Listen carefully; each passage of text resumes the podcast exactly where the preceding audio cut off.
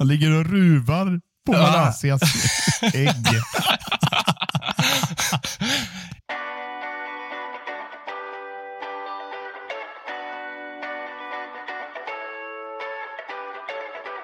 Can Manchester United score? They always score. Rooney! Oh, wonderful! It's Berbatov! Marcus Rashford! Oh, glorious! That is a special one!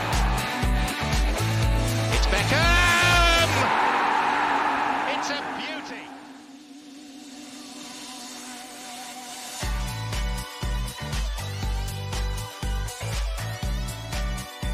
Din favoritpodd dundrar igång sådär gött som bara den kan. Unitedpodden, podcasten som du inte visste att du längtar efter, är tillbaka vare sig du vill eller inte. Unitedpodden görs i ett stolt samarbete med både den officiella skandinaviska supportklubben MUS och United-redaktionen på Svenska fans. Sisådär ganska jätteexakt 114 år efter att den första matchen spelades på Old Trafford passar vi givetvis på att trycka på den där feta röda inspelningsknappen. Då finns ingen Gustav med oss, men tur är väl då att både Mackan och Micke ska göra sitt halvbästa för att förgylla denna kommande timme. Vi börjar givetvis hos dig Mackan. Hur eh, gött är läget? Eh, Läget är gött. Eh, En vecka närmare golfsäsong och då är humöret på topp, som sig bör. Så det är bra här. Det är för att på dig golfkepsen idag, dagens ära. Ja, såklart. Man måste ju komma i stämning. Det, det är sen gammalt. Micke då, nu får du fan med avslöja framgångsreceptet. Hur håller du din plats i podduppställningen vecka efter vecka? Ja, det är inte så jävla svårt att glänsa i det här sällskapet. Gustav eh, petar man ju ganska lätt. Sen, eh, sen har vi ju sagt att vi ska sträva efter att vara tre varje avsnitt och jag menar, då finns det inget mer att peta. Så att, ja, enkelt. Du sålde inte in dig bättre än så. Det var inte på eh, prestation, utan det var att det inte fanns några som du kunde konkurrera med. Nej, alltså Gust Gustav är helt enkelt, eh, han är helt enkelt usel, så då tänker jag att då är det svårt att Jag behöver, inte vara, jag behöver inte vara så jävla orolig där helt enkelt. Så det är mitt, vad är ditt eh, framgångsrecept? Att du typ eh, ja, nästan alltid är med då? Du måste ju ha någonting du kan skylla på. Ja, nej, det, det har jag inte. Alltså, mitt framgångsrecept är annars att sova sådär 40 minuter innan inspelning så man vaknar helt groggy och inte vet vad man heter typ två sekunder innan vi klickar på räck. Så eh, jag brasklappar för mina första 20 minuter i det här avsnittet. Sen lovar jag att vara tillbaka i toppform. Ja, du är ju också känd som eh, den eh, äldsta, vad är det nu, 27, 28? 27 är jag. Äldsta 27-åringen i hela världen. Det kan vi fan slå fast faktiskt. En gubbe i en ung mans kropp. Ja, det är du fan i mig. Vad är du då? En ung man i en eh, gubbes kropp? Exakt så. Precis tvärtom. Det är därför vi kompletterar varandra så bra. Mackans USP har vi ännu inte klarlagt. Vad är jag då? Om, om eh, ni har satt era epiteter, vad, vad är jag då? Nej, nu blir det jävligt tyst här. Ja, alltså, Nej, ringa Gustav och kommer fråga. på känner jag. elaka saker. Det känns som vi måste ringa Gustav. Jag kanske bara är sådär mitt, mitt emellan lagom. Jag är en 29-årig man i en eh, ganska otränad 29-årig mans kropp då. Ja, Ja, sådär lagom mellanmjölk, svensk. Ja, trist och tråkig och fan hans moster. Men det, det måste någon vara det också alltså. Ja, sarg det kille. Vaniljmackan. Har ni hittat på något kul eh, senaste då? Micke, berätta. Nej, fan inget superkul att rapportera om faktiskt. Eh, spontan eh, AV i lördags. Eh, ni vet det här, men ah, jag är inte så sugen. Ska inte dricka någon öl idag. Och så får man en liten push. Så tänker man, men en öl kan jag ju ta. Så kommer man hem 03 sen. Den fina de kvällarna. Ja, AV på lördag alltså. Jobbar du i lördags? ja, ja, Ja, jag, det. jobbar hela tiden. Nej, jag vet inte varför jag kallar det AV. Jag blandade ihop dagarna tror jag. Men, nej, men det var... Det var oavsett så var, blev det inte som jag hade tänkt mig. Så att, eh, då får man ta konsekvenserna som äldre eh, man. Eh, oavsett hur ung man är i sinnet. Så gårdagen var ju, ja, som det brukar vara när man är ute till 03 på en lördag. Ni då? En öl blir 47. Fan vad gött. Ja, typ, jag tror jag hade något liknande i fredags, eller tror jag vet att jag hade det. Men eh, då var det mest för att vi skulle fira en polare som fyllde år och så eh, var det ett överraskning för honom, ölprovning och grejer. Jag klev dit, hade jobbat satan stressat ihjäl mig. Kommer på när jag sitter där mm, tre, fyra öl innan, jävlar jag har inte ens hunnit äta lunch, jag. har ätit två mackor på hela dagen. Känner liksom där halvvägs in när man druckit de här 9 procentarna som de häller upp till en och man känner fan det här börjar ändå slå nu. Så det blev en, eh, en bra fylla den kvällen kan man säga. Det, ja, det blev nog 03 också, men inte så jävla farligt bakis ändå. Jag, jag känner att jag inte har kommit över den tröskeln än jag blir det, men det, det kommer väl kanske att bli typ 28 eller något. Mac Mackan, ska du, ska du liksom slå in den sista spiken eh, som är avslöjar att den här, det här podcastgänget är trasiga liksom, eh, partydårar? Liksom. Vad kom en motvikt nu för fan. Ja, det är Ja, fan, snälla var det. Det är inte mycket party här alltså. Jag tror jag, jag, tror jag har varit ute till efter midnatt en gång sen november typ. Eh, och Det var ju när vi tre var ute och härjade och spelade dart och fan hans moster. Eh, nej, vad fan har jag gjort? Eh, önskar att jag kunde säga att jag har gjort något så spicy som sticker ut lite, men jag har spelat jävligt mycket pingis alltså. Vi har, vi har fått ett pingisbord på, på kontoret och jag är så jävla såld på den skiten. Så Oj. eh, mycket pingis har det blivit. Jan-Ove Eriksson. Jan-Ove Eriksson, precis. Du heter ju det också. Det är så jävla briljant. Mm. Jan-Olof. nästan det. Jan-Olof, ja. Men det behöver vi inte, behöver vi inte skicka ut i etern. Jan-Olof Wallner. Ja. Det är starkt. Ja, pingiskungen. Men, men fan vad kul det är med pingis på riktigt. Svingött. Ja, pingis, är, pingis, golf, det är mina två favoritsporter och sen tätt fullt av fotboll där, på en tredje plats. Ja, det kanske blir lite pingispodd framöver. Folk kommer nog tröttna på golftugg, så eh, vi lobbar upp den och håller tummarna.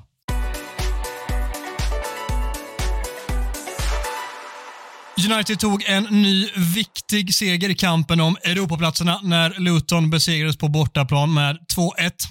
Det tog vad som kändes som en sekund innan United ledde med 2-0 och känslan där och då var att det här möjligen kunde rinna iväg för en gångs skull. Tji fick vi i vanlig ordning och en krampaktig batalj gav åtminstone tre pinnar. Kände du dig astrygg eller skittrygg när klockan tickade mot 90, Micke? Det är klart att man, det är alltid så när det är, vad är det nu, fyra frilägen med tomt mål. Det var helt sinnessjukt på alla sätt. Det, enda jag satt och tänkte på, ja, men det kommer att straffa oss. Det kommer att straffa oss. Varje gång vi brände en chans. Nu kommer de kvittera. Och så när Barkley hoppar upp där och skarvar bollen, så den är ju inne redan innan han hoppar upp känner jag. Så att, nej, jag var inte jättelugn. Det ska jag faktiskt erkänna. Tre poäng med hjärtat i halsgropen. Mackan Weber sa att du får betygsätta spelarinsatserna i vanlig ordning med veckans macka, så tar vi matchsnacket härifrån. Mm. Ja, det är väl eh, alltid bra att börja där, tänker jag. jag. Jag har suttit hela dagen och tänkt att jag ska, att jag ska göra en omvänd eh, veckans macka här med två, eh, två dåliga insatser och en bra insats. Men jag, jag gör fan inte det. Det är dumt och tråkigt. Jag kommer vara tillräckligt negativ senare i avsnittet, tror jag. Så jag, jag är lite positiv här till en början. Snyggt. Vi börjar med det negativa och så river av det så kan vi vara lite positiva sen som Micke gillar. Fan, nu hörde jag inte vad du sa. Vad skulle, börja, vad skulle jag börja, sa du? Börja med den som ska höja sig. Ja, ja. Ja. Gött. Nu är jag igång. Höj dig nu Mackan. Eh, ja, Höj dig själv för Eh, fan. Kom igen nu. Släng in dig själv här. Nu kör vi. Eh, här hade jag egentligen tre bubblor då. Eh, jag tycker att eh, i slutändan är jag ändå ganska klar med att Casemiro är klart sämst i United. Jag tycker att han gör en sån där insats som vi har sett ganska många gånger den här säsongen där han eh, liksom kommer fel in i varje duell och är alldeles för långsam för att lösa det. Eh, sen dessutom slarvig med boll och trubbig och borde ju ganska klart varit utvisad. Eh, så att han blev utbytt i paus var väl eh, ingenting annat än helt rätt. För annars hade han nog varit utvisad i minut 60. Eh, så han är klart sämst. Men sen vill jag även eh, fan höja ett varningens finger för Bruno Fernandes eh, form. Jag vet inte riktigt vad det är som sker hos portugisen. Det är inte mycket bra nu och när han till och med rundar målvakten och har ett öppet mål så kan han inte göra mål. Och beslutet att skjuta har, har ni situationen som jag vill lyfta här på top of mind? Ja, eller? I slutet, bara eh, typ en minut från slutsignal, eller? Alltså, bara det beslutet är typ värt för honom att få den här eh, bajsmackan som eh, veckans eh, bajsmickemacka. Alltså, för det... Han har ju liksom fyra, fem lagkamrater i ganska bra lägen. Eh, ganska nära sig enkla passningar som gör att vi kan bibehålla bollen och eh, spela ut tiden. Istället skjuter han, Luton kontrar, det blir hörna och Barkley nickar ribban.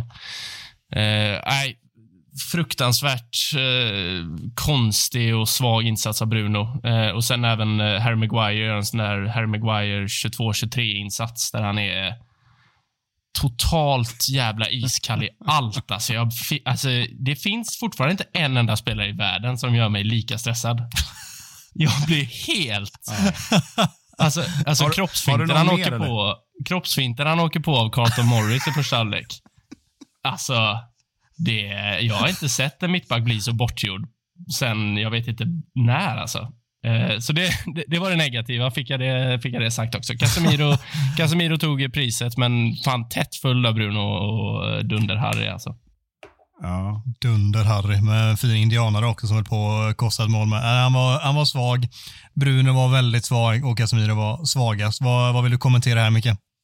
Jag vill kommentera att eh, jag är med dig på Brunos idiotavslut. Att, eh, har bollen ute vid hörnflaggan med tre man runt sig. Vad är det för jävla beslut? Eh, jag menar, han är inte junior. Det är inte första gången han har bollen i ledning nere vid en hörnflagga. Alltså, det, det är ju liksom matchens enskilt eh, mest idiotiska aktion. Men eh, i övrigt så konstaterar jag bara att Bruno är inne i en formsvacka. Så eh, det är inte mer med det. Han spelar alldeles för mycket matcher. Det är dags att han sitter vid sidan en match. Men det är en annan diskussion. eh, och Sen är jag med det med Casemiro. Och det, jag vet inte, bara ställer bara den retoriska frågan. Vad, vad håller han på med? Liksom? För det, han, han vill ju gärna lägga över skulden på domarna på det första kortet. Men det kroppsspråket, eh, det körde han ju matchen innan också. Och det, jag tycker det, liksom, det säger väl egentligen det mesta om Ja, Anders mycket. Han är ju ganska glad gamäng, så det är ingen grinig jävel, men han har haft några gula och röda i United. Men det, jag bara läser av att det är en stark frustration som han lägger över på domarna. För att han hänger ju, han hänger ju inte med i tempot i Premier League, verkar det som. Nej, inte det minsta. Riktigt jävla svag insats av Casemiro. Och eh, Eh, tror jag är helt avgörande för matchens utfall att eh, Ten Hag valde och vågade ta det beslutet i paus att, att skifta honom. För att skicka ut honom där igen, det hade mycket väl kunnat bli ett rött kort eller ett mål på annat sätt bakåt och det hade satt laget i extremt mycket svårare möjlighet till att ta tre poäng som det nu ändå blev. Vi går vidare till det positiva då, Mackan. Vad har du hittat här? Vem var näst bäst? Ja, jag skrattar bara lite åt mig själv. Jag sa att jag inte skulle vara så negativ och väljer att toksåga tre gubbar. Men Ja. eh, skit i det nu. Nu blir det positivt. Eh, på en andra plats har vi vår kära Kobe Mainu, som jag egentligen tycker är bäst på plan så fort han går in på den. Alltså. Eh, den enda spelaren i United som spelar med en mognad och eh, Eh, prioritera kontroll före eh, High Chaparral. Eh, så att han är yngst i det här laget och eh, omgärdad av två veteraner på mittfältet syns ju inte i en sekund den här matchen. Eh, ja, tvåa, men eh, förtjänar egentligen alltid att vara etta. Han är ju alltså själv på det mittfältet. Vi pratade om att Casemiro var väldigt, väldigt, väldigt svag. Bruno var svag. Och då är det bara Kobbe kvar där och han får ju typ göra allt själv och det är så sanslöst, typ elakt mot så ung spelare men också så grymt imponerande hur han hanterar det så bra som han gör. Så stor jävla kudos till eh, Kobe Mainu som är en eh, superstjärna redan nu. Ja, jag, hopp, jag hoppar rakt in på ettan och den, den här är väl eh, inte assvår att eh, förutspå vem det är. Det är vår eh, danska dynamit där framme, Rasmus Höjlund, som eh, fortsätter att imponeras. Eh, fortsätter att imponera. Eh, jag är lika, lika imponerad och förvånad blir jag över det andra målet. Lika imponerad blir jag av det första, för han är en av få anfallare Manchester United har haft de här senaste säsongerna som faktiskt tar sig till det läget. Eh, jag, kan inte, jag kan inte minnas jag kan inte minnas någon av våra tidigare toppstrikers som liksom frenetiskt jagar på en chansboll som kanske kan bli en målchans. Eh, och då, då får man sådana där lägen ibland. Eh, sen det där andra målet, först trodde jag att Garnacho sköt han liksom i ansiktet bara och den styrdes in, men det är otroligt skickligt att brösta in den där.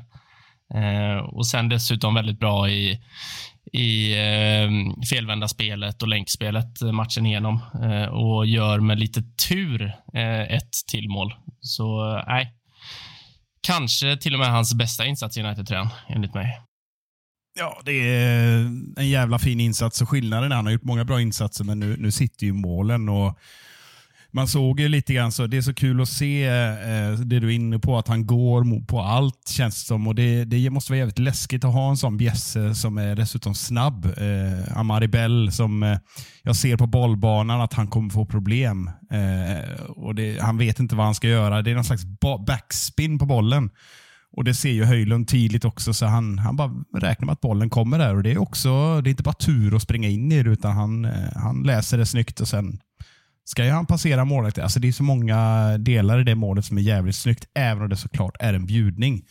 Och sen det andra målet är han ju stolt och verkligen är noga med i intervjun efteråt och talar om att ja, det var faktiskt meningen och det ser man ju hela, hela kroppsspråket. Så, men inte bara målen, utan jag tycker det är, det är så jävla gött att se Rasmus. Det lossnar för honom och då får Gustav rätt. Allt löser sig med Höjlund.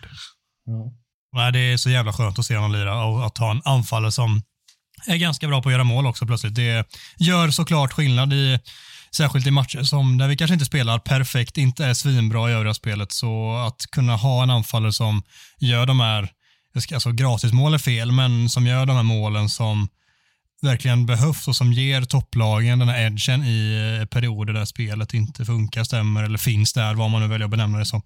Så det är så jävla viktigt att ha en sån anfallare och det är Höjlund för United just nu och så länge han är det kommer United vara ett lag som kan vinna alla matcher oavsett hur spelet ser ut. Mm.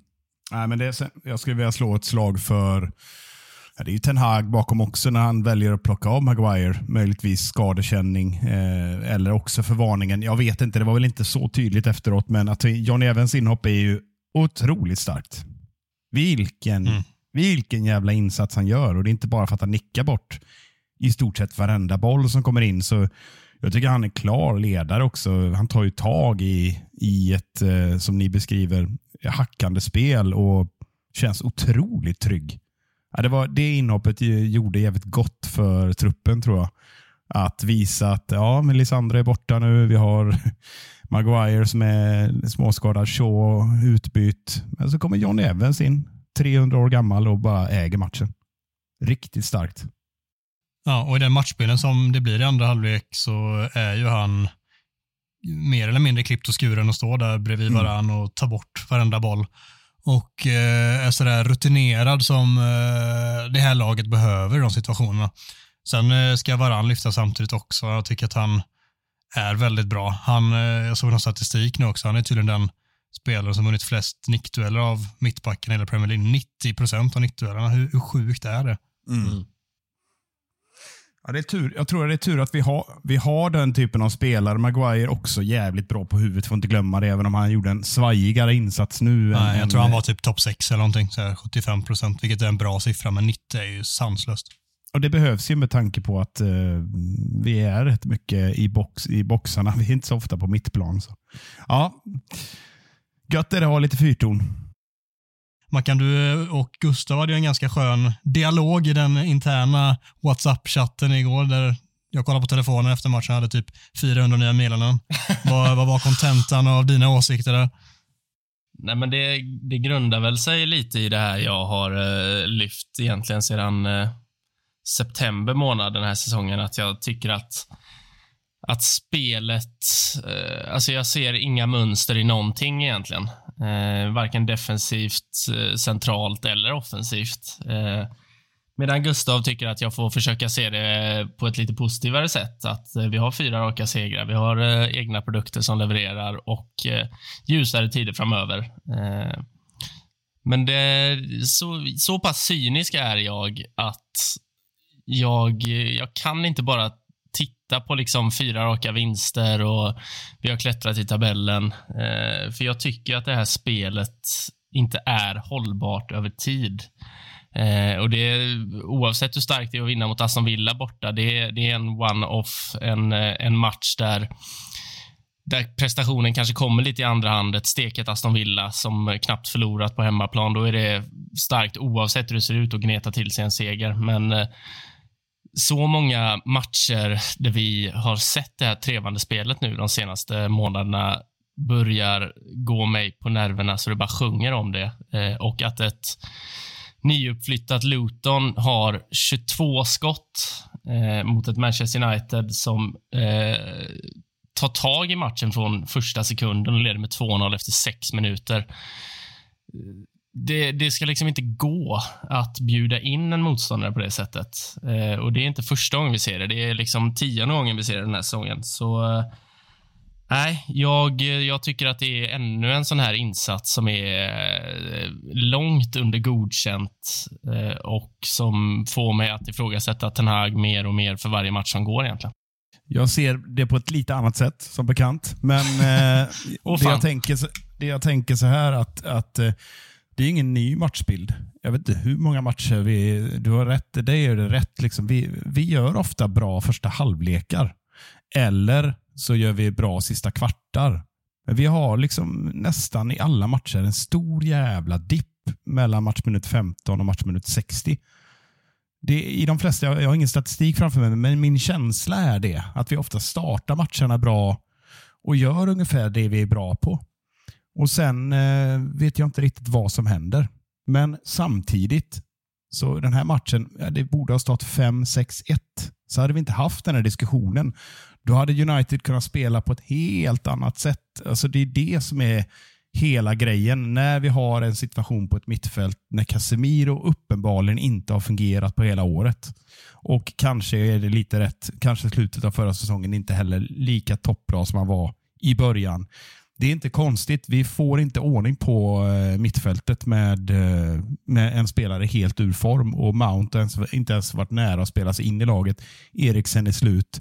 Ja, men då har vi Kobby som är helt underbar och en Bruno som är bra var tredje match. Liksom.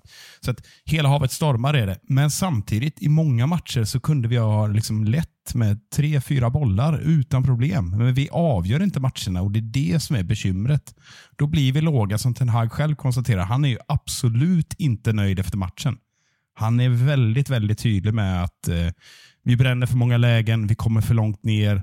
Vi skär inte av deras eh, passningar. Han, han är inte alls nöjd med den här matchen. Så det är inte så att han står och säger åh vad bra det var. Så, så att eh, det jag vill bara säga är att vi är absolut inte där vi ska vara med, när det gäller spelet. Men jag har, till skillnad från dig, en syn på att ineffektiviteten offensivt är ju snarare det som gör att vi sitter där med hjärtat i halsgropen mot Luton borta i, på stopptid liksom, och, är, och är livrädda för en kvittering. Det är för att vi inte sett våra chanser. Hade vi satt dem så har vi inte den här diskussionen. Alltså jag, jag, håller med dig, jag håller med dig lite här, men samtidigt så här sätter vi våra chanser, det är, det är inte så att det Alltså, det, vi har ju inte jättemånga chanser när det står 2-0. Liksom. Vi, stå, vi gör två mål på, två, på de två chanser vi har och sen släpper vi in det här jävla freakmålet som jag inte riktigt vet vad det är som händer. Jag vet inte vad någon i försvaret gör. Och jag, och jag vet Casemiro. Casemiro ja. står och sover och tittar boll. Ja, och jag vet verkligen inte vad Onana gör heller. Ja, men det är inte hans fel. Inte på nej, det målet. Men, du, nej, men du kan hantera det bättre. Vad fan, flyger ut och eh, hoppar jämfota och vet fan vad han håller på med. Uh, men alltså, problemet grundar sig i att vi inte kontrollerar en match oavsett om det står 0-1, oavsett om det står 0-0, oavsett om vi leder med 2-0. Alltså, vi, vi gör 2-0 på sex minuter och sen lämnar vi över stafettpinnen helt och hållet och säger till Luton, här, gör vad ni vill nu så kan vi eh, pounsa lite på, det, på era misstag. Det är ju helt, alltså, vi, vi såg det i Champions League, vi, såg, vi har sett det i Premier League-matcher, vi har sett det i ah, så många matcher den här säsongen att jag, jag kan inte förstå det. Eh, vi snittar, jag, för en gång skulle gjort lite, lite hemläxa här. Eh, statistik som föll till mig på kära X. Manchester United snittar alltså shots against 15,9 skott per match den här säsongen. Det är fjärde mest i Premier League. Det är bara Luton, West Ham och Sheffield United som har mer. Det är sjätte mest i hela Europa. Eh, och Det är ju liksom inga tillfälligheter. Det är ju för att vi inte har någon kontroll på matcherna. Vi bjuder ju in motståndarna, oavsett om det är Luton borta eller om det är City hemma. Vi bjuder ju in dem till att ha kontroll. Det är de som får styra och ställa. Vi ska vara ett omställningslag. Problemet med att vara ett omställningslag är ju de facto att du lämnar över stafettpinnen. Du bjuder ju in till press. Och alltså, Oavsett hur jävla bra man kan vara i omställningsspelet så är det ju inte hållbart över tid. Du kan vinna enskilda matcher på det, som vi har sett mot Aston Villa. Vi har sett det nu igår mot Luton. Eh, och säkerligen en del andra matcher som jag inte har top of mind nu. Men över tid så är det inte hållbart. Du kommer inte vinna några titlar på det. Du kommer inte kunna utmana om en topp 4-placering på sikt om du ska spela så här. Det, jag, förstår inte, jag förstår inte jag förstår inte vad det är Ten Hag vill uppnå med det här spelet. För längre än så här går det liksom inte att komma. Vi kanske kommer komma trea något år. Sen kommer vi sexa året efter. Sen kommer vi fyra. Sen kommer vi sjua. Alltså, det, jag försöker liksom vrida och vända på allt, men jag hittar inte någon förklaring till varför det ser ut så här. Ja, vi får väl anledning att komma tillbaka till och utvärdera Ten Hag som vi hör att du är på väg in i. Eh, men, men jag tycker fortfarande så här, vi, vi, vi vinner den här matchen. Det ser inte särskilt bra ut spelmässigt, men igen, vi borde ha vunnit med 4-5-1.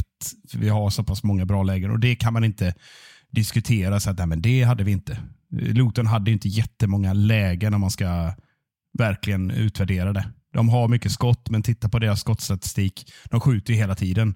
Det är tydligt eh, att de väntar inte på något läge alla City eller Arsenal, utan de går på avslut direkt. Och Det, det har visat sig att de har ju varit framgångsrika, åtminstone de sista fem, tio matcherna med, på det direkta sättet att spela. Men, men jag håller med. Det är klart att jag sitter inte och är nöjd med att vi spelar jämt mot en nykomling. Det, eh, dit kan du inte få mig att, att jag tycker det. Men Grejen är så att jag är lite på Gustavs sida här. Jag tycker fan, nu har vi någonting på gång. Vi är obesegrade i år. Låt oss bygga på det så kommer det andra förhoppningsvis sen. Där står jag.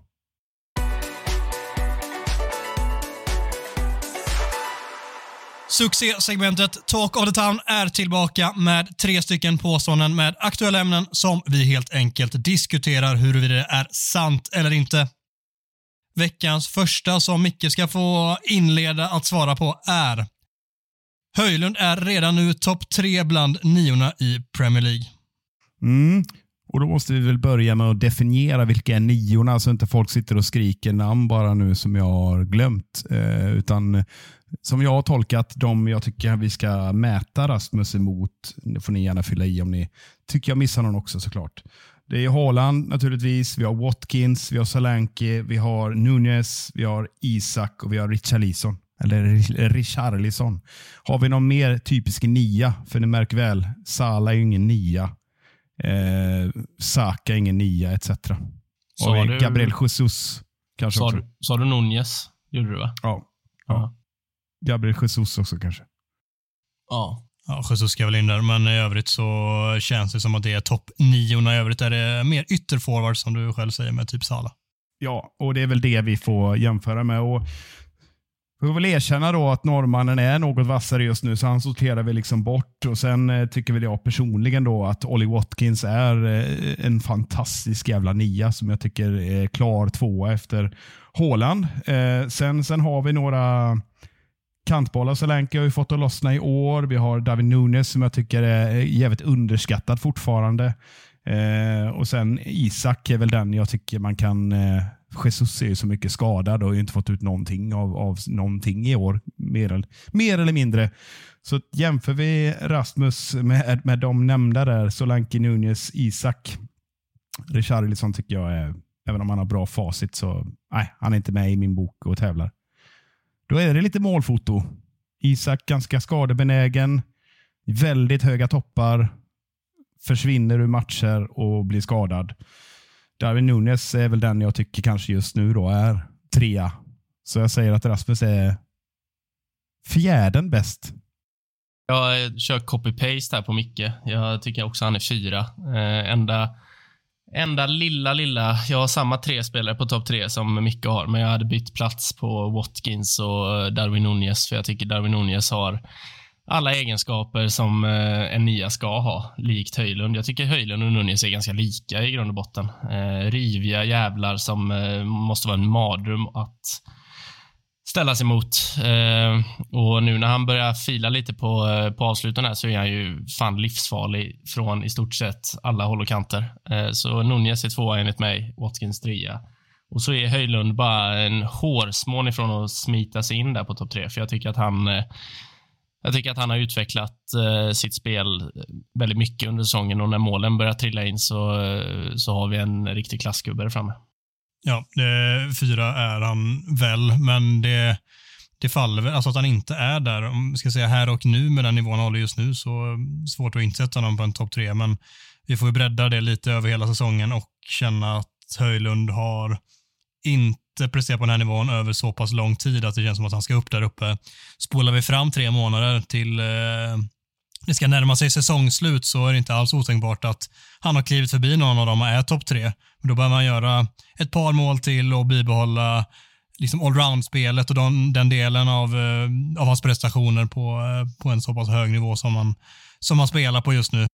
Om vi lägger in i vågskålen, glömde säga det att eh, det Mackan har beskrivit stämmer ju till viss del, även om jag inte håller med. Alltså han gör det här på den här nivån i ett lag som inte är i 100% harmoni. Det ska vi också ha med oss, även om vi har fått utväxling på vår fronttrio nu och han har börjat hitta Garnacho, Rashford och, och ja, ni vet, liksom han, det, han känns mer infogad i, i laget på annat sätt. Det är inte bara de här, oj, nu gjorde han mål från ingenstans som det kändes lite grann i Champions League. Nu, nu är det ju nu känns han mer inoljad. Så med tanke på det, ja, man kan hålla på och säga, sätt in honom i ett annat välfungerande lag så skulle han bara fullkomligt vräka in mål. Det är hypotetiskt absolut, men med tanke på att han är så pass bra nu, eh, givet den starten han fick och givet att United inte gör sin bästa säsong, så ja, det, det känns ju bara kittlande. Vad fan, var ska det här sluta liksom? En ny startande vänsterback behöver värvas i sommar. Och Det känns väl på sin plats att diskutera det här nu, Macke, med tanke på att Luke Shaw klev av igen och Victor Lindelöf vill spela vänsterback igen. Malaysia, vi vet inte var han är någonstans och eh, där bakom har typ Sergio Regulon försvunnit. Jag vet du vill in här mycket nu. Det jag tycker inte du är astrist. Men Mackan vet du, det, jag låter Mackan ta det. Kan du inte berätta för lyssnarna, var är Malaysia? Vad har vi på honom? Ja, vi har, vi har väl inte jättemycket mer än vad vi hade förra veckan. Jag har bara suttit och sett genier spåna om det på, eh, på sociala medier och det var någon som konstaterade att, eh, att eh, en av våra lyssnare konstaterade att eh, nu när Malaysia är död, vilket är starkt. Och sen var det även någon annan stolle som, som spottade ut sig att Malaysia är gravid. Det... Han är borta i nio månader, liksom. eller hur länge är han borta? Ja. Nej. Stökigt. Ja, jag såg någon annan spekulera att detta är liksom en av de största mörkläggningarna i världshistorien där United eh, mörklägger totalt att han har gått bort, gått ur tiden, att han inte finns längre. Det, det spekuleras hej vilt och det förstår man när det inte finns någon jävla info om den här spelaren. Ingen vet var han är eller vad han gör. Vi får hoppas att han mår bra. Oavsett så ska vi diskutera om det behövs en ny vänsterback då till, eh, till sommaren och då pratar vi om startande vänsterback. Vad säger du om Mackan? Ja, alltså jag får, nog, jag får nog pudla lite här, för förra veckan fick vi en fråga kring eh, om vi borde eh, kolla på att eh, skeppa Luke Shaw vidare. Eh, och Då sa jag ganska givet nej. Och jag, jag, tycker väl fortfarande inte att man ska sälja honom, men jag börjar fan tappa lite tålamod på det. Eh, jag var inne och kollade nu. Han har alltså missat 20 matcher i år. Eh, jämfört med förra säsongen, eh, som, eh, där han missade fyra i Premier League. Eh, och det, den säsongen är väl någonstans undantaget i hans karriär, för det är ju inte, det är inte första säsongen han missar 20 matcher. Um, och Att vara tillgänglig är så jävla underskattad egenskap och det är så jävla viktigt när man, eh, när man vill bygga ett fungerande lag, att ha tillgängliga spelare. Uh, så jag säger nog att, uh, att en ny vänsterback ska in i sommar. Svårt att, eh, svårt att komma till någon annan lösning på det. Det låter som att du är av samma åsikt som jag, som jag är här, att Luke Shaw ska, han ska inte säljas, han ska finnas kvar i Manchester United, men i det här läget med tanke på det som du just nämner, jag behöver inte säga det igen, så så ser jag ingen annan lösning än att värva en spelare som ska vara första valet som vänsterback, mer eller mindre. Sen är det klart att Luke Shaw visar att han är skadefri och spelar på den nivån som vi vet han kan, där han är en av de absolut bästa ytterbackarna i ligan. Självklart ska han spela då, men att värva en ytterback med ambitionen att han ska nog vara startspelaren i år, det, det känns som att vi måste gå den vägen i sommar. Vad tycker du, Micke? Nej, men jag skulle bara vilja fylla i lite grann och, och eh, man kan börja backa bakåt i tiden. För det, det kan man ju göra med Luke han kom från SA-15 så, så var han ju eh, bra direkt eh, och man kände bara shit, det här är en riktigt bra kille. Och så kommer den där hemska skadan som höll honom borta i typ en och en halv säsong mer eller mindre. Och Sen kom han igång och by- försökte, men då kom ju Mourinho till klubben och han åt bara McDonalds. Det gjorde han ju verkligen på den tiden. Och Sen har han byggt, byggt upp Ja. sig själv genom säsongerna och liksom varit en otroligt stabil spelare. Men de sista åren, som, som du är inne på Mackan, förra säsongen 47 matcher totalt, eh, säsongen innan 27 matcher totalt. Och sen innan dess hade han två tre hyfsat starka säsonger under Ole. Eh, och eh, sist, möjligtvis sista säsongen under, eh, det var bara Ole som spelade honom. Så att det är väl det som är lite oroväckande. Han är inte särskilt gammal, men man får inte glömma att han har varit med ganska länge. Eh, jag säger inte att det är ett Rooney-syndrom, men vi kan nog inte heller räkna med att Luke Shaw med sin liksom, eh, historik kommer att spela till han är 36 år. Om han inte omskolar om sig till mittback, vilket jag tror han skulle må bra av att göra. Även om han är helt fantastisk liksom, i, i eh, tvåvägsspelet som, som en riktig fullback så känns det som att eh, hans kropp verkar inte fixa det här godstågsspelet som, han, eh, som vi vill ha av honom och därför landar jag i exakt samma slutsats som ni två. Eh, han behöver konkurrensutsättas med något annat än Malaysia eller för den delen, eh, vad hette han, eh, Tellis som vi hade tidigare. Liksom. Det, det, han, är- det uttalas Tellis. Ja, visst. Det, Kör. fa- det fanns han. Det fanns han. Men ni garvar åt att ni kommer att tänka på honom. Nej, men Ja. man, behöver, man behöver helt klart någon som är bättre och då, ja, de växer inte på trän och de pengarna verkar vi inte ha riktigt än, eller vi får se, eller vad det nu blir. Så det är väl, det är väl där jag tror eh, man får göra en ordentlig genomlysning och, titt, och snack, ta ett snack med Shaw. Liksom. Och eh, någonstans kolla av. Snack med så, vad ska man säga då? Blir mer frisk. Nej, men jag tänker liksom att eh, nej, men Tots, vi kommer att gå vi kommer värva nu och mm, vi siktar på att eller så säger man inte, fan vet jag. Men känslan är att det går inte att fortsätta så här i alla fall. Att Victor Lindelöf ska hoppa in och spela. För det, det ser för jävla kantigt ut. Alltså det, ja, det är synd om Victor. Det är inte hans position. Den ser ruskigt ostabil när han ska springa ut och slå ut på kanten och slå en vänsterdoja längst upp. Alltså det, nej, fy fan. Det, alltså, får jag bara lägga in det här? Alltså beslutet att avsluta Reglons lån framstår ju bara än mer korkat för varje jävla dag som går. Ja, hur tänkte man där liksom? Han måste ju fått ett bakslag på Malassia då, eller att det, allt talade för att han skulle vara tillbaka inom kort och då kände man att i samråd med Regulon som inte fick spela så mycket som man kanske hade velat så var det läge att avbryta det och sen så blev det något bakslag. Och så, alltså jag kan inte se någon annan förklaring till det, för det är asmärkligt annars att släppa iväg honom med tanke på vad det har satt laget i för eh, konsekvenser efteråt. Mm. Sen tror jag man räknade väl inte med att Wan-Bissaka skulle gå sönder också. Det känns som att han fick ett bakslag med. Och då har man sett lösningar att kunna spela Dalot. Då. Men jag håller med, det blev ju inte bra. Jag tror Reguilon vill ju spela. Eh, och det, i det läget, när de var tvungna att ta det beslutet, så kunde de säkert inte lova honom det. Så att det, det är kul för honom. Han gör det bra i Brentford. Det är en perfekt position. Det är en, alltså, offensiv vänsterback när han har tre, en treback bakom sig. Liksom det, det är väl det jag tycker med Reguilon, att, att han är ganska svag i det defensiva positionsspel. Ganska, spelar ganska chansartat och då, ja, det kan man inte riktigt göra i en fyrback, tycker inte jag. Då dyker vi in i veckans townhall där ni kära lyssnare får chansen att tycka till på X. Där löd förra veckans townhall så här. Uniteds nya fronttrio, alltså den med Garnacho, Höjlund och Rashford, är den med högst potential post Sir Alex Ferguson. Och eh, då var det en eh, övervägande ja-sida på 70,6% mot nej på 29,4%. Micke, kort, vad säger du om det? Lite överraskande. Jag trodde det skulle vara jämnare faktiskt. Det, men jag håller ju med om ja här, så jag är väl nöjd med utfallet. Gött att du är nöjd. Har du sett någon annan som är nöjd eller missnöjd bland kommentarerna? Nej, alltså jag fångar väl upp eh, några motbud här som är värda att nämna. Inverterad ytterback eh, vill ändå torgföra att säsongen 1920 så hade vi Rashford 22 mål, Martial 23 mål och Greenwood 17 mål. Jag tror Mackan pratade lite grann om det sist också. Det är väl eh, vettigt, men nu pratade vi potential. Eh, så är det ju. Sen är det väl någon annan som kastar in eh, parallellt eh, där FPL Controller vill ändå slå ett slag för trion 17-18 där med Lukaku som nia och Rashford och Martial som vingers och även Mkhitaryan som var där ibland. Ah, säger väl jag på den då, men det är väl de motbuden jag har fångat upp här som är värda att nämna. Vackert. Veckans Townhall då, den kliver vi in i nu och den lyder så här.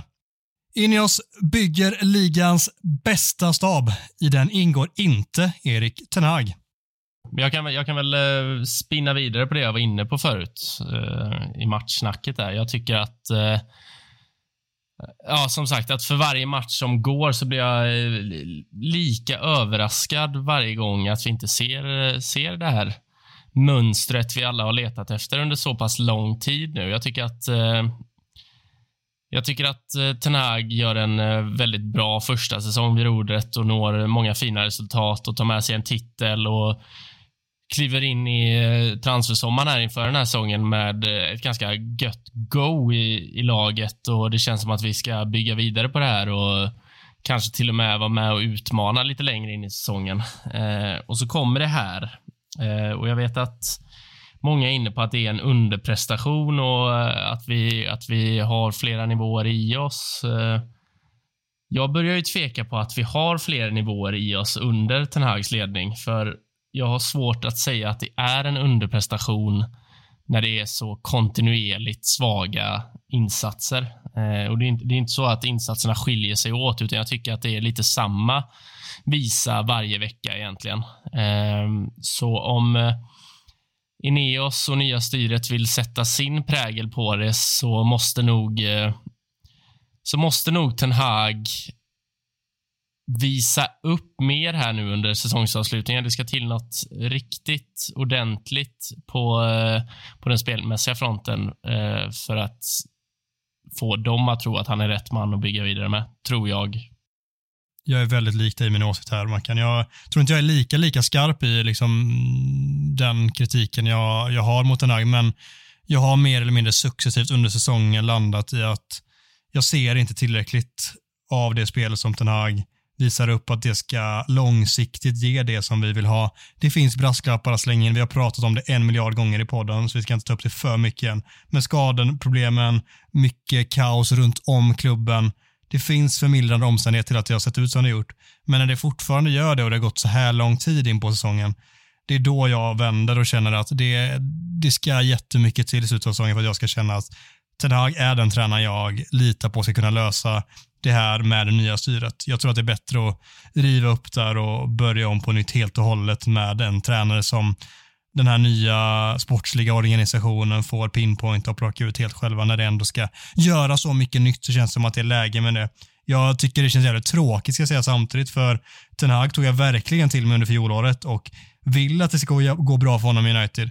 Men jag ser inte tillräckligt och jag tycker att trots skadorna så har han en trupp som i många och majoriteten av matcherna är bättre än motståndet, men gång på gång på gång blir vi utspelade och det resulterar inte i tillräckligt mycket poäng eller spelmässiga prestationer för att jag ska känna mig nöjd. Finns det någonting av de bitarna så finns det alltid någonting att peka på, men när, när det haltar i båda fronterna så känner jag att det inte eh, är gott nog och det har gjort det under för lång tid den här säsongen, i mitt tycke.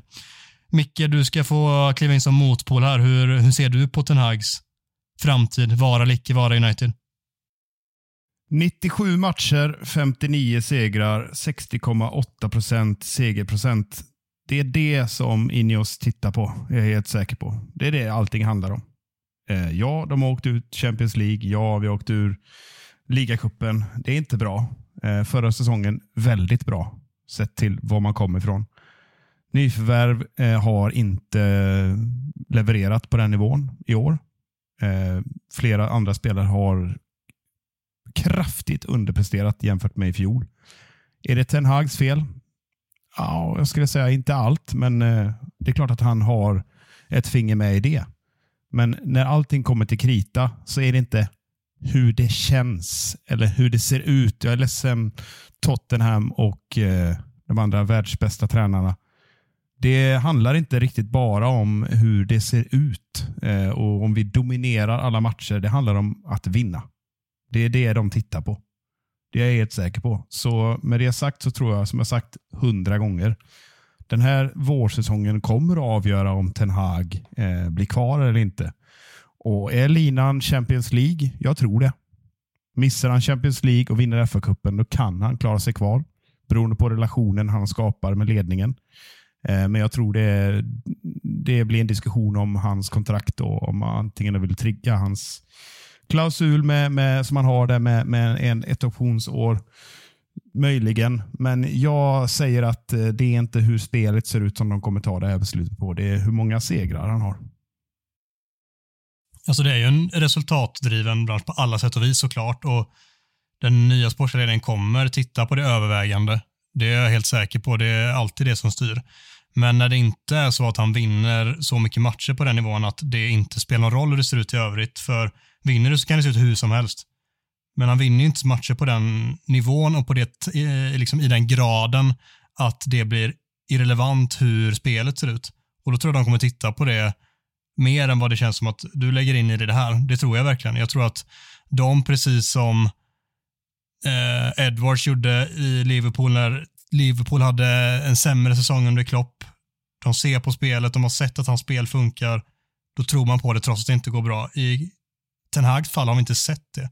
Och det tror jag är det som gör att liksom, den nya sportsliga ledningen kommer inte bara kunna titta på det vinstprocenten som du lyfter upp. Okej, okay, den, är ba, den är bara bäst någonsin, men vad, vad, är det mer för vinstprocent man ska ha då?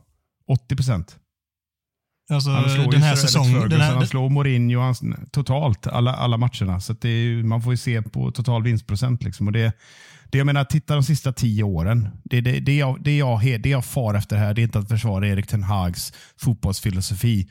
Det är att försvara de sista tio årens jävla haverier där vi har kastat eh, in och ut tränare och vi har inte fått ut eh, någonting av det. Vi är inte tillbaka. Jag tycker det är för tidigt att kasta ut honom. Jag tycker det är för tidigt att döma ut honom för den här säsongen. Förra säsongen var fan med bra. Jag slår fast det. Så det är där jag liksom, jag tycker inte man kan blanda in Ten Hag i, en tioårs... Vi kan inte, kan inte ge han skulden för att vi har, har, har gjort tio år, usla år. Han har gjort en halv säsong som inte har varit bra. Och det finns en massa anledningar till det. Så att jag, jag tycker inte man kan utvärdera Ten Hag på att United har haft tio års kräftgång. För jag tycker det är det ni gör. På, på vilket sätt? Nej, men otåliga. Vi ska, vi ska upp tillbaka, vi ska dit. Vi, alltså, ja, det ska vi. Men jag, jag, tycker han får klä skott för att United har haft tio års kräftgång. Det är det, det dåliga tålamodet vi har. Det tror jag inte handlar om dåligt tålamod, i alla fall inte från min sida. Jag kan inte tala för Mackan eller många andra heller, men jag tror inte det handlar om dåligt tålamod. Jag tror att det handlar om att vi alla vill till samma punkt, men vi har olika åsikter om hur man tar sig dit. Jag tror inte att det är bra att stånga sig blodig med någonting som inte funkar bara för att man inte ska göra förändringar för att man inte vill vara en klubb som skickar tränare kors och tvärs. Jag vill inte heller att vi ska göra det. Men jag tror inte heller man ska liksom blint sig fast för att vi ska inte ändra och då gör vi inte det oavsett hur det ser ut. Finns det ett bättre alternativ tycker jag man ska ta det. Ser de inte att det finns det, kör på. Men det som jag har sett fram till nu tycker inte jag är tillräckligt för att känna mig trygg och bekväm med att när vi gör en ny, ett nytt helomtag, att det ska bära frukt långsiktigt. Då tycker jag att det är bättre att ha ett helt vitt blad.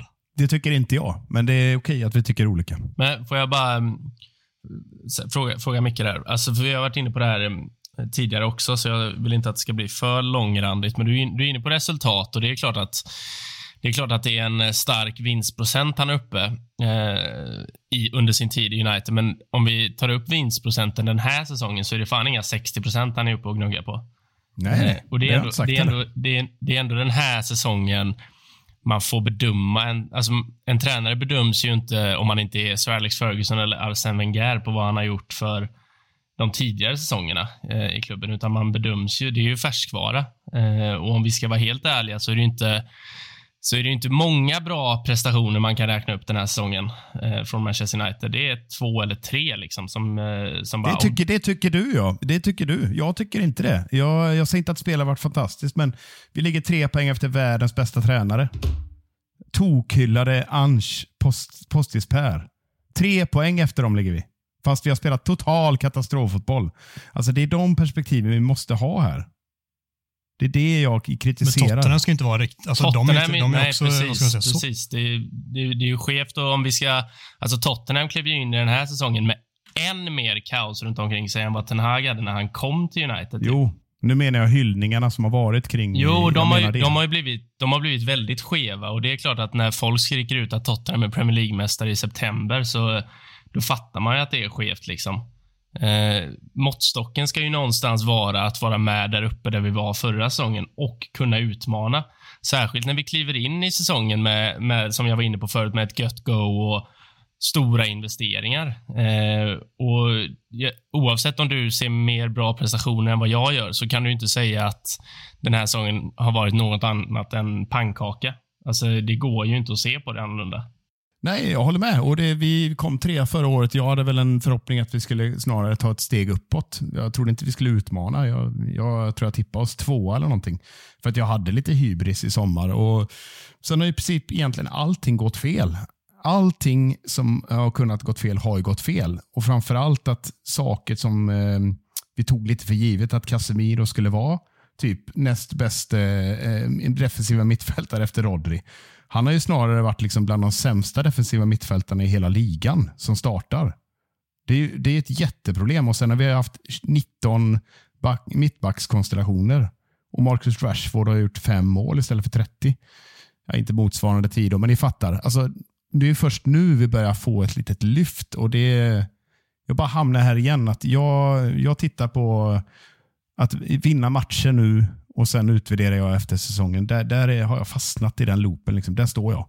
Jag vill, inte, jag vill inte ta beslutet nu om han ska, vi ska byta honom. Men du, du tror inte då att alltså, bra prestationer leder ju till bra resultat oavsett, oavsett vilken sport man utövar? Det, så är det. Så, det. Det jag menar då är att om, nu har vi fyra raka segrar och där sticker väl West Ham-matchen ut för vi vinner med 3-0. Eh, men det, det är ju ingen övertygande prestation i den här matchen. Där är vi effektiva och gör mål på våra lägen. Sen är det liksom 4-3 i freakmatchen mot Wolves. Eh, och så är det den starka eh, krigarsegern borta mot Villa. Och så är det ytterligare en sån här haltande seger borta mot Luton. Eh, mm. Och, och det, det, är ju så varje vinst ser ut den här säsongen. Vi har vunnit två matcher med mer än ett mål i Premier League. Mm. Det om någonting säger, mm. väl, säger väl ändå något om att prestationerna inte har varit där då. Alltså, det, ja, men det är otroligt det är starkt att vinna resultat. utan prestation. Utan att vinna, ja, utan det, att vara bra. Det är klart, det är, det är starkt, men det är inte hållbart. Det är ju därför jag också har förlorat nio matcher i Premier League. Det är också därför vi ja. är ett av de mest överpresterande lagen i Premier League, sett till all statistik som tyder på att vi inte borde ligga där vi ligger. Vet du vad? Därför är det så jävla gött när vi vinner. Jag mår så jävla bra för folk sitter arga på det här. Men det jag inte förstår är att du kan vara så arg på det här. Du håller väl på Manchester United? Men jag, jag är inte arg över att vi vinner. Jag vet inte var, var det kommer ifrån. Jag är inte arg över någonting. Jag, jag, jag, är, jag är besviken över bristen på framsteg som Tenag har lett det här laget till under sina, vad blir det, 19 månader i klubben. Eh, och, mm. och, där, jag, jag, förstår inte riktigt hur du inte kan se den bristen på, eh, på framsteg i, i spelmönster, offensivt, defensivt. Vi, vi släpper liksom till fjärde mest skott mot oss i ligan och ja, vi, ja, ja. vi låter ett nyuppflyttat Luton ha 60% i boll mot oss. Alltså, ändå, är, ändå är vi fem poäng från Champions League-plats. Det är helt ofattbart. Ja, det är ju som sagt, är, du stirrar dig blint på resultaten, men det ja. kommer inte hålla över tid. Nej, kanske inte. Men jag är rätt nöjd med att vi vinner. Ja, och det, det som jag fastnar med det är att, som jag tycker är en jävla viktig del också av en tränare i bedömningen av en tränare är Gör han att delarna blir, alltså att helheten blir bättre än de enskilda delarna i laget? Och i Ten Hags fall den här säsongen så är det snarare tvärtom. att det känns ju som att de flesta spelarna underpresterar och det kan man absolut lägga delvis på spelarna, Men det är också väldigt mycket upp till tränaren att få ihop lagen också så att de har bästa möjliga förutsättningar till att prestera. Och jag vet att det finns många brasklappar att kasta in här, men till syvende och sist är det en jätteviktig del av det också. Helheten ska bli bättre än vad delarna är. Mm. Och här, i det här fallet har helheten blivit sämre än vad delarna är.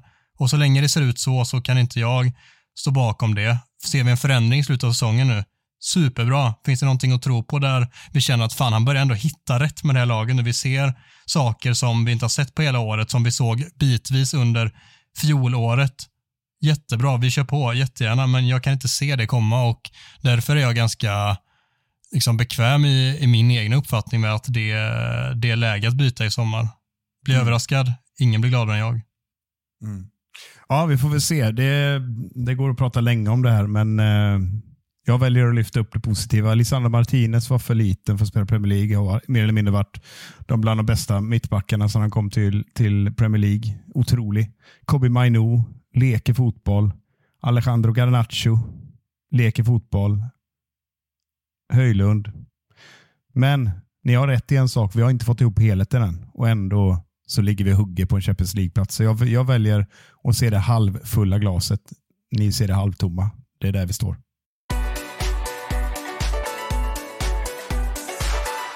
På lördag på klassisk tips extra tid 16.00 sparkar United och Fulham igång en ny PL-batalj på Old Trafford. Och då har Micke i eh, sedvanlig ordning snörat ihop en schysst motståndarkoll.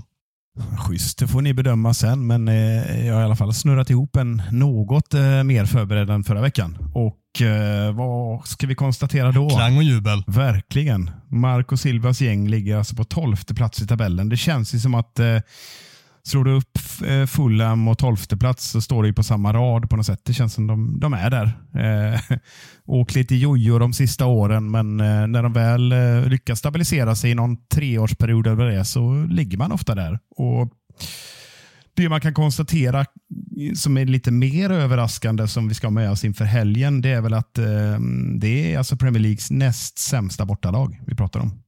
De har bara tagit sju poäng eh, hittills på de här tolv matcherna som spelade. En enda seger har kommit eh, och den kom i första matchen mot Everton borta med 1-0. De har alltså 11 raka matcher på bortaplan utan vinst. Så det är ju någonting man kan ha med sig eh, in i det. Tittar vi på lite historik utan att bli för långrandig kan vi konstatera 76 matcher har man spelat och eh, vi eh, kan notera att United plus statistik och framförallt på Old Trafford där eh, är det bara två förluster som jag registrerar och det är ju otroligt starka papper. En rejäl övervägande målskillnad till Uniteds fördel. Senaste Fulham-vinsten, vi måste ju alltid ha lite quiz med. Den kom alltså säsongen 2003-2004. Den 25 oktober torskade vi med 1-3. Vem gjorde Uniteds mål, Mackan? Fy fan. 2003, 2004 sa du? Ja. Mm. Det var då alltså ett år gammal. Ja. Nej, det var Adam som var ett år då. Eh, Så var det ja. nej, eh, vad fan kan det ha varit då? Ledtråd. Ett anfalls-S som eh, kom, såg så, ja, segrade gjorde han inte, men det var en liten kort session. Saha? Nej. Adam får en chansning också. Nej, Nej, det var det en, får jag inte. en glänsande uruguayanen Ah. Diego Forlan. Aha, ja. Underbart. Fint. Vi spolar fram igen till nutid och konstaterar väl då att Silva föredrar sin 4-2-3-1 med en stark centrallinje ändå, får man ge dem. Det har de faktiskt. Eh, Bent Leno är bra i mål. Vi har amerikanen Ream. Vi har Palinja som är otrolig på det där mittfältet. Pereira som eh, gör det bra post United. Och sen har vi en Jiménez som har börjat hitta målet, men eh, kryddade dessutom med William 46 som är fortfarande är otroligt bra. Och Tillsammans med bästa målskytten eh, Bobby Reed som har gjort fem mål, lika många som Jiménez i och för sig, då, så, så är det ett ganska intressant lag de har när de väl ställer de bästa på banan. Det kan de inte riktigt göra här på söndag för Palinja är ju avstängd efter tio gula kort. Han leder därmed eh, varningsligan i Premier League och Jag noterar att det är tre matchers avstängning på den. Det ser tufft ut. Så han, Oj. eh, han är tillbaka i mitten på mars. Jättekonstigt. Jag vet inte om han, om han drog, Satan. drog på sig något rött sist. Det har jag helt missat. Men Ja. eh, han är Jag, avstängd jag, till och med 9 mars. jag är inne och kollar här på matchen mot Aston Villa i helgen. Fulham tog alltså fem gula kort från minut 86 och framåt. Det är, Mm. det är starkt gjort ändå. De, de såg bortafacit mot United och bortafacit i ligan. och tänkte, Nej, nu skiter vi i de jävla matcherna. Nej, men det är bara Palinja som är avstängd, men däremot Jiménez är ju skadad och lite tveksam till spel. Jag vet inte exakt status, men eh, jag skulle vilja slå fast att det är i stort sett eh, ja, men två av de tre bästa spelarna som de saknar här på söndag och det är ju good news. Eh, om man lägger till då deras bortafacit så ser det bra ut på förhand. Vad tror vi då? Ska United lämna ifrån sig bollinnehavet och kontra in 3-0 eller blir det mycket? Nej, men vi, har, vi har ju faktiskt haft ganska lätt, det brukar bli konstiga matcher mot Fulham och de eh, spelar ju ganska offensivt och försöker liksom själva och det brukar ju straffa sig mot den här versionen av United. Så att jag säger att vi vinner ganska komfortabelt här med 4-1. Nu lossnar målskyttet. Jävlar. Skönt. Jag säger väl att det där Marcus Rashford hattricket kommer den här veckan. då. 3-0. Mackan.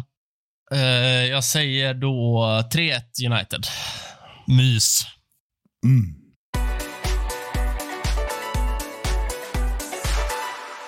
Vi avslutar i vanlig ordning med ett gäng lyssnarfrågor där eh, jag direkt måste hugga på en av dem till mig själv innan jag låter er svara på resten. Och Det är från eh, vår första gäst Fabian Jalkemo som vill sätta dit mig i vanlig ordning. Han skriver så här. Jag vill höra Adam lägga ut texten kring Marcus Rashfords briljanta pressspel. Syftar han på det där klippet då som jag gissar att ni har sett också i typ 91-92 minuten där Rashford inte ser skittaggad ut på att sno bollen från, det är väl Ross Barkley tror jag. Eh, och eh, ja, det är inte så jävla smickrande just det där klippet, men jag blir fan vansinnig att folk eh, stirrar sig blinda på det här när han de facto kanske gjort sin mest, eh, alltså just de, i den delen av spelet har han nog slitit mest på hela säsongen. Jag tycker han sprang arslet av sig på ett sätt som inte vi har sett tidigare och då får han ändå sån jävla skit för ett litet jävla klipp. Mm. Det, det får mig banne mig att koka. Ja, jag håller med dig. Ja. Ja. Han vet hur han ska plisa hatsvansen eh, som bara ska hata allting efter en seger. Ja. Fina Jalke. Skönt att jag fick er på min sida. Vi kör vidare med eh, betydligt bättre frågor, för det var fan den sämsta vi fått. Vad säger du om det här då, Micke? Det är lite inne på samma spår från eh, Sir Lorden. Visst är det härligt att se Höjlunds vita tröja bli färgad av fotbollsplanen och kämparglöd? Ja, men det är så jävla fint. Men det är, vi pratade ju om honom innan och det är väl bara mest konstatera det att han lämnar ju alltid planen helt plaskblöt. Han är ofta, ofta svettig i nacken. Han har också en lång nacke. Så det är mycket svett där. Det är flera liter som samlas bara där. Ja, härligt att se. Fina, fina danske dynamit. Han undrar också om eh, Höjlunds andra mål kan vara det snyggaste inbröstade målet någonsin. Och det är väl typ han eller möjligen, möjligen om Fellaini har bröstat in någon, någon gång i tiden. Annars så kan det inte finnas något. Ja, det känns ju som att Fellaini hade en, eh, fast han var mest bra på, på bollen bara dog oavsett hur hårda inläggen var så tog han ner dem. Men aldrig in i mål va? Nej, overkligt bröst. Anton Jakobsson har en liten kommentar också. Att Amrabat ser ut som den farsan som drar baksida lår i en fotbollsmatch mot barnen. Det vill han att vi ska kommentera. Ja. Elakt. Fan, jag, jag, han gör ju typ det. jag, fan, jag tycker Amrabat ser rätt fitt ut alltså. Gör han inte det? Sättet som han springer runt på med sin liksom välbärgade hydda och renrakade hår. Det, det ser verkligen ut som en, som en farsa som är inne och lirar med kidsen och drar baksidan efter tre minuter. Ja, kanske. Det är, det är liksom, liksom lite tvärt emot Johnny Evans som, som eh, ser ut som allas farsa förutom i ansiktet. För där ser han fan ut att vara 15 och ett halvt liksom. Han har, han har inte åldrats ett år sedan han var i akademin. Nu blir Gustav glad. Ja. Ja. Han har inte fått skäggväxt än. Så jävla gött. Ja, vi har in eh, en Djurgård-supporter också som jag tror håller på United också. Det verkar så i alla fall, för han skriver vi om United. Eh, att vi har vunnit x antal matcher när Antoni börjar på bänken. Ännu bättre nu när han inte ens blir inbytt. Fan vad skönt tycker jag att det är med eh, Mackan, framförallt med Micke säger också. Ja, alltså det här har vi ju redan sagt tusen gånger. Det är ju liksom Ten Hags absolut största misstag att eh, ha den här övertron på, på Anthony. Men man kan inte anklaga honom för att inte gett karn chansen i alla fall. Nu sitter den där han hör hemma. Eh, jag har svårt att se honom ta sig ur den bänklabyrinten. Jag tror han har inte många matcher kvar i United-tröjan om jag ska vara riktigt ärlig. Får jag bara lägga till en snabb sak här med Tenag Anthony. Finns det, det finns några såna här goa... Harry Redknapp hade ju några såna spelare när han alltid bytte klubb som han eh, tog med sig. Han hade ju... Bobby Samara. Ja, och Nico Kranchar och han köpte väl typ Jermaine Defoe sju gånger. Liksom. Crouch också. Ja, Crouch. Det, alltså, förvånar mig ju inte om Ten Hag nu skulle få lämna United om han värvar Anthony till sin nästa klubb och liksom litar blint på honom igen. Det känns verkligen så. Vi får ju bö böna och be om det blir så att Ten Hag eh, lämnar och så man vill eller inte så, så uh, vore det ju magiskt om man plockar med sig Anton i så fall. En lite seriösare fråga till dig då, Mackan uh, från Mikael Sjöberg. Bör Mason Mount i första hand ersätta Casemiro eller Bruno? Det vill säga var på planen gör han bäst nytta så som laget ser ut nu? Oh, jävlar. Uh... Jag vet inte. Det kanske är Mount som är pappan till Malaysias ofödda barn då, för han är ju typ lika borta som Malaysia. Eh, typ, han ligger jag... och ruvar på ja. Malaysias ägg. jag har fan glömt bort att Mason Mount spelar för United. Eh, nej, jag, jag, vet inte. Alltså egentligen vem som helst eh, före Casemiro just nu. Eh, och eh, Så då säger jag väl att eh, en eh, mittfältstrio med Mainu, Mount och Bruno hade väl varit spännande att se, men jag vet inte om det hade gett oss mer kontroll än vad vi har haft den här säsongen. Så kanske inte är den bästa lösningen. Jag vet inte. Nej, John Evans-spåret igen och farsa-spåret igen. Ibra Kadabra skriver så här. John Evans ser ut som någons farsa som jobbar som elektriker men är fortfarande bäst på plan i andra halvlek och det touchade vi, vi förut. Jag tycker inte han ser ut som en elektriker. Han är alldeles för snäll för det. Han ser ut som en revisor liksom. Gör han inte det? Ja. Elektriker är ju så jävla grova och uh, tjocka och nu är jag jävligt generaliserande ja. mot elektriker. Han är men... inget, han har inget myntinkast, eh, den auran alls. För liksom. det måste man ha om man är elektriker. ja, exakt. Nej. Han är en eh, fotbollsspelande revisor, tror jag. Jonathan. Vi måste ju såklart avsluta med eh, en fråga som kommer från vårt favoritnamn, numera i alla fall. Det, det tenderar att pendla där, men just nu så är han fan med mitt favoritnamn. Dyngfläsk69. Han skriver ju, med tanke på att prata om vänsterbackar förut. Även om ni har, eh, just han undrar också då om vi har något bra namn till vänsterbacken att hoppa nu i sommar. Shaws korta chipskropp verkar inte hålla speciellt bra längre och Malaysia har ju dött. ja, det är så jävla kul. Frågan om det är kul mest för att han heter Dyngfläsk eller för att vi igen konstaterar att Malaysia har dött. Det är så jävla hårt. Ja, jag, jag, tycker att ju är så jävla roligt där. Det är liksom... Ja, det är så konstaterande. Ja, det är så jävla gött av dyngfläsk 69 också. Gustav har ju redan flaggat för vad som har hänt med Malaysia. Det är den här DVD-satsningen som ledde fram till att han krympte sig själv till slut. Så han är, han är helt enkelt inne i en VHS-spelare och dör sotdöden där inne. Så måste det vara. Ja, så, så måste det vara. Mackan, du älskar ju vänsterbackar. Släng ur dig ett namn som du gärna hade sett som vänsterback i United nu. Mm. Fy fan. Uh, Alfons, Alfonso Davis. Ja, han är ganska bra fotboll. Vi tar honom. Det blir svingött. Och vad som även blir svingött är att vi äntligen får klappa igen den här butiken för nu är vi dyngtrötta som dyngfläsk. Skulle säga tack som sjutton för att ni hängt med oss hela vägen in i mål, kära lyssnare. Följ oss jättegärna på sociala medier. Där heter vi United-podden överallt. Det här avsnittet gjordes i ett stolt samarbete med United-redaktionen på Svenska fans och den officiella skandinaviska supportklubben MUS. Vill du resa till Manchester, bli då medlem i supportklubben på mus.se och få tillgång till deras 500 säsongskort på Old Trafford. Ta hand om er.